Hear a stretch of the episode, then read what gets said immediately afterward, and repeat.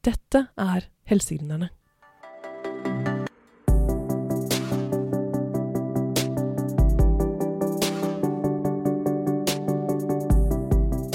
Norge har verdens beste helsevesen og en befolkning som aldri har vært friskere. Men vi blir stadig flere, og vi blir stadig eldre. Og med mangel på helsepersonell er Norge helt nødt til å ta i bruk ny teknologi for å holde tritt med utviklingen.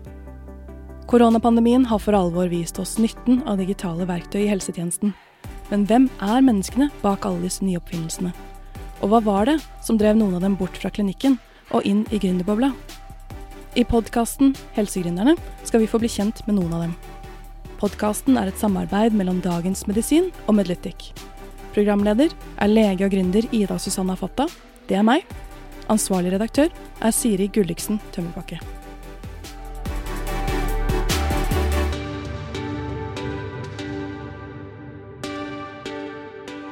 I dag skal vi snakke litt om hodepine. Eller rettere sagt migrene. Dette er en sykdom som rammer mange, og som daglig leder av Nordic Braintech selv har opplevd på kroppen. Katrine Rohøk har master i kjemi og bioteknologi, og fra entreprenørskap ved NTNU. Selskapet hennes utvikler medisinsk teknologi for bedret hjernehelse. Velkommen skal du være, Katrine. Tusen takk, Ida. Men Katrine, kan ikke du fortelle med egne ord hva det er dere egentlig gjør? I Nordic Braintech så lager vi en hjemmebasert forebyggende behandling for migrene. Og dette er en behandling som pasienten kan gjøre selv hjemme. Det man gjør, er å sette seg ned i en sofa eller et komfortabelt sted, og man fester på to trådløse sensorer. En som måler puls og temperatur i tuppen av fingeren din, og en du fester i nakken for å måle muskelspenning. Og så setter du deg ned og kobler opp og følger et instruert og persontilpasset program i en app i ca. ti minutter hver dag. Så gjør man det i tolv uker. Og da viser forskning at uh, man kan forebygge migrene med opptil 50% og de som lever med migrene i dag, det er så mye mer enn bare en hodepine. Det er det veldig mange tror, mm. men det er en nettverkssykdom i hjernen.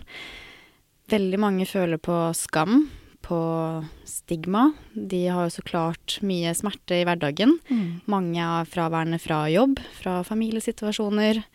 Noen går så langt og sier til oss at de valgte å ikke få barn pga. migrene. Yes. Det er ganske det er ganske kjipt å høre hvordan folk lever med sykdommen. Mm. Men er ikke det litt rart da, at, det er så mye stigma knytta til det når det er så vanlig? Ja, det er jo en veldig usynlig sykdom som eh, foregår inni kroppen. Tradisjonelt så har det vært lite forsket på migrene. Det er en kvinnedominert sykdom hvor uh, tre av fire med migrene er kvinner. Mm, det er mye. Ja, De aller fleste er mellom 20 og 50 år i sin mest produktive alder når mm. vi skal være ute i arbeid. Så um, jeg er heldigvis glad for at det er mer forskning på det nå. Det kommer nye medisiner. Og eh, det blir mer tatt på alvor. Mm. Og mm. spesielt av dere, da. Ja, mm. det syns vi er veldig gøy å kunne jobbe med en brukergruppe som er så engasjert. Uh, mange er veldig desperate, men til gjengjeld så bidrar de også i utvikling med mm. tilbakemeldinger, og det gjør det lettere å utvikle nye produkter for dem. Mm. Er det noen av de historiene som du har hørt fra brukerne dine som du føler er, som har gått veldig inn på deg? Det er ehm, de, de, er på en måte veldig De er jo så fattet, de vi snakker med. Og, så sitter de hjemme og kanskje er vekk fra jobb, og det blir på en måte bare en Det er som at det er vanlig, den nye, vanlige hverdagen deres. Um, bare det i seg selv er veldig kjipt å se. At de ofrer så mye, på en måte. Um, og alle historiene syns jeg er uh, veldig fæle. Mm. Um, det er jo mye som kommer frem via andre forumer og ting vi hører gjennom uh, leger. Mm. Um, jeg syns kanskje det verste er med barn og unge som har migrene, som ikke finner god nok hjelp, som kanskje ikke kan ta medisiner. Det er jo mange som ikke tåler eller har effekt av medisiner. Uh, mm. Så det er en stor motivasjon i å komme med noe nytt og ikke-medikamentelt, som kanskje kan hjelpe de som ikke har et godt nok tilbud i dag. Mm. Så er det vel sånn at stress er en utløsende faktor for, eh, for denne sykdommen. Mm. Og det er jo ikke akkurat lett å unngå det i, i, vår nye hverdag. Nei, det er det heller ikke. Og um, det kan være positiv stress, det kan være negativ stress. Det kan være vanskelig å vite hva det skyldes, og mye rundt migrene er også genetisk. Mange som har det i familien. Um, så det er også viktig element å forstå kanskje se bedre på sin egen kropp. Forstå hva som forårsaker og trigger migrenen. Ja. Mm. Det er jo lett å forstå at man har lyst til å gjøre noe med det. Ja. Men hva var det som gjorde at du valgte å gå inn i denne gründerbobla? Mm. Kan man si det var litt tilfeldig? Um, jeg har alltid vært interessert i naturvitenskap. Jeg har to foreldre som er nevrologer, og har alltid hatt masse modellhjerner hjemme og syns det har vært veldig interessant. Men selv så begynte jeg da på sivilingeniørstudiet og fullførte det. Der hadde jeg et fag hvor jeg lærte om innovasjon og um, ja, det å være gründer. Mm. Det syntes jeg hørtes utrolig spennende ut, så jeg dro på noe som heter Gründerskolen i San Francisco. Mm. Gikk på UC Berkeley, Ja. jobbet i en startup der og ble virkelig bitt av basillen. Dro hjem igjen og jobbet i litt eh, forskjellige startups i Trondheim. Begynte på entreprenørskolen, og da er det sånn på det studiet at du må starte bedrift. Så det gjør alle. Mm. Det som var viktig for meg, var å finne noe som var forskningsbasert. Mm. Noe jeg visste hadde en, eh, et reelt behov i markedet. Og da gikk jeg til NTNU Technology Transfer, eh, fikk jobbe deltid der. Og møtte til slutt en gjeng med leger Mm. fra St. Olavs hospital og NTNU som hadde jobbet med en helt ny måte å behandle migrene på. Egentlig for barn og unge, men Mm. uh, vi jobber også med migrenebehandling for voksne. Mm. Så vi starta selskapet sammen. Spennende. Fikk Mm. med deg leger helt fra starten. Ja, og Mm. det har vært helt avgjørende. Mm. Det at det kommer fra fagmiljøet selv, er avgjørende for å introdusere en ny behandling. Mm. Um, og viktig med kredibiliteten derfra. Mm. Men du sa du ble bitt av gründerbasillen. Hvordan ser denne basillen ut? Nei, det er jo å leve med risiko hver dag, men det er spennende. Kanskje det er en form for ekstremsport. Mm. Eh, men ikke minst det å kunne jobbe med noe som er så motiverende og gir mening i Mm. hverdagen. Kunne hjelpe mennesker til å få et bedre liv. Og det rammer så utrolig mange. Det er jo én av syv som har migrene. Så det syns jeg rett og slett er veldig givende. Da er det verdt å bruke mange timer på jobb hver eneste dag. Mm. Mm. Ja, det er noen som har sagt til meg at uh, i entreprenørskapsmiljøet så er det høye topper og, og lave bunner, holdt jeg på å si.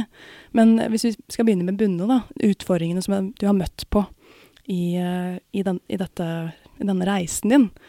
Hva er de utfordringene du vil trekke frem som lærdom for andre?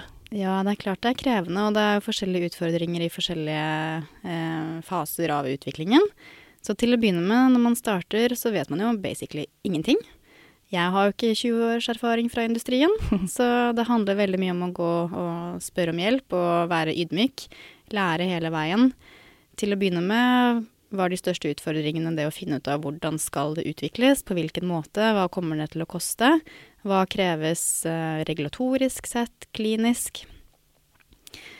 Utfordringene etter det har jo vært mye knyttet til kapitalen, for det krever såpass mye finansiering. Mm. Og da er det det å sette seg ned og skrive søknader til offentlig støtte, men også se til eh, penger fra private markedet. Eh, hvordan skal det selges? Mm. Det er kanskje det aller største og vanskeligste spørsmålet. Mm. Um, Ja, for dere tilbyr jo deres eh, app gratis. Ja, Mm. Den, eh, det ene produktet vi jobber med, som er en hodepinedagbok, det er en gratis app for brukere i dag. Og um, hvordan dette skal selges, det er jo det store spørsmålet. Mm. Vi har så klart veldig mange tanker og gjort masse undersøkelser rundt det. Men sånn som i Norge så fins det jo ikke noen åpenbar løsning for å selge medisinske apper i dag. Mm. Så det um, jobber vi mye med. Jeg kan tenke meg at det er en utfordring. Da viser det seg at du er jo veldig motivert da, når du bruker timevis på å skrive søknader. Du har jo brukeren veldig foran deg og er motivert for å hjelpe dem. Men hvis du skal tenke på de positive tingene som du har eh, opplevd, menneskene rundt deg, hvor viktige har de vært, og hvem har de vært? Mm. Ja, det er jo helt avgjørende med støtte for å drive dette prosjektet. Det første jeg tenker på, det er jo disse brukerne vi jobber med, altså pasientforening, legene, som virkelig vil se dette her på markedet. Mm. Det er jo en kjempemotivasjon og støtte. De ser verdien for, eh, for Mm. pasientene sine. Ja. Men det andre er jo dette økosystemet som vi er heldige å ha i Oslo. I bl.a. Forskningsparken, hvor vi har vært. Rundt eh, Startup Lab, som var vår første investor og turte å satse på oss. Vi har vært mye i, i Alip- Alip-miljøet. Mm. eh, medlem i Norway Health Tech, og alt dette her er jo ressurser som vi bruker eh, daglig. Mm. Både mm, det å få støtte til selve gründerreisen, men Mm. konkret hjelp til kommersialisering. Hvordan Mm. skal man gjøre eh, ja, utvikling, og tilgang på veldig gode mentorer. Mm. Det høres ut som dere har et stort apparat bak dere. Men er det virkelig det som må til for å lykkes med et produkt som, som pasientene trenger? Jeg tror det er veldig viktig eh, når man har en sånn eh, Ja, er tidlig i startup-fasen, eh, hvor du starter med et problem, en løsning, og skal finne en kommersialiseringsvei for det. Mm. Så um, offentlige midler blant annet, da, i Norge som vi har via Innovasjon Norge mm. og Forskningsrådet, har vært helt avgjørende for at vi kan dekke de tidlige aktivitetene man har i mm. utviklingsløpet. Ja. Mm. Men på hvilken måte kunne dette vært lettere for dere? Hva kunne det offentlige gjort for at dette ble lettere? Det første svaret på det er vel et marked. Hadde det vært et marked for um, digitale helsetjenester, um, medisinsk utstyr, um, hjemmebehandling, hadde det vært refusjonsordninger for det i Norge, så hadde det vært et helt annet landskap for oss. Mm. Og um, den viktigste årsaken er at Eller i dag jeg kom, veien til markedet er utydelig mm. i Norge. Det gjør det også utydelig for investorene. Mm. Og det er vanskeligere for de å se hvordan man skal tjene penger på sånn type teknologi i Norge. Mm. Man har jo andre løsninger i andre deler av Europa hvor de har kommet litt lenger enn oss. Um, men det er en utfordring akkurat her. Ja. Hvordan løser de det andre steder, da? I Tyskland så har de jo bl.a. en refusjonsordning for uh, medisinske apper og medisinsk utstyr. Mm. Og da kan du gå til legen og få forskrevet uh, det verktøyet du trenger, og få det rimeligere gjennom helsevesenet. Mm. Mm. Ja. Hvor lang tid er det før vi får en sånn ordning i Norge da, tror du? Jeg håper ikke det er for lang tid til. Jeg vet at myndighetene jobber med det. Jeg vet at det er veldig mange som venter på det. Og for at vi skal få frem alle de gode innovasjonene som skjer på universitetsmiljøene bl.a., så må det være en mulighet for at det ikke bare dør ut i mm. forskning eh, og forskningsprosjekter, men at det kan tas videre ut um, og forbli et godt tilbud til pasientene. Ikke sant. Det er kjempespennende. Men um, hvis du skulle kommet med et råd til andre som kjenner på at de har en gründerdrøm i magen, men ikke har turt å ta spranget, hva vil du si til dem? Tror bare man må innse at vi lever veldig, veldig godt her i Norge, og det er, det er jo mange risikoer ved å starte et selskap, men vi har så utrolig gode støtteapparater rundt oss. Man må tørre, mm. man må ville, man må ha insentiver for å ønske å ha den hverdagen. Mm.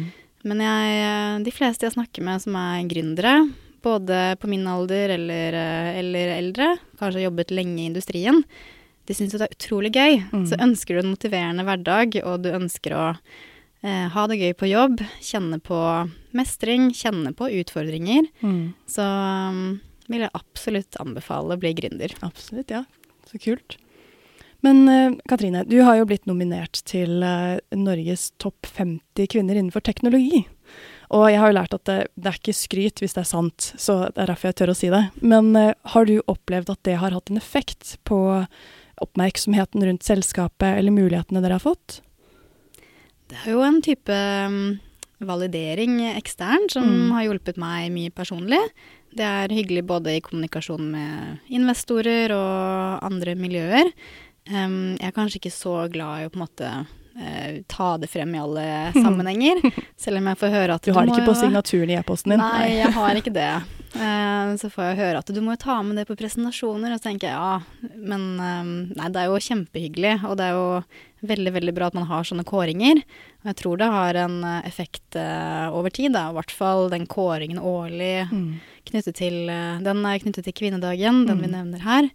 Um, og det å få frem teknologigründere i mm. startups mm. og i helsenæringen.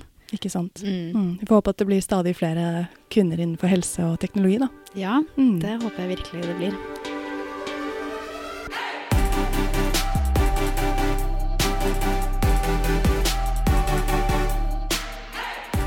Du har hørt på podkasten Helsegründerne. Mitt navn er Ida, og hvis du har kommentarer, innspill eller forslag til gjester, så vil jeg gjerne høre fra deg. Vi høres igjen i neste episode.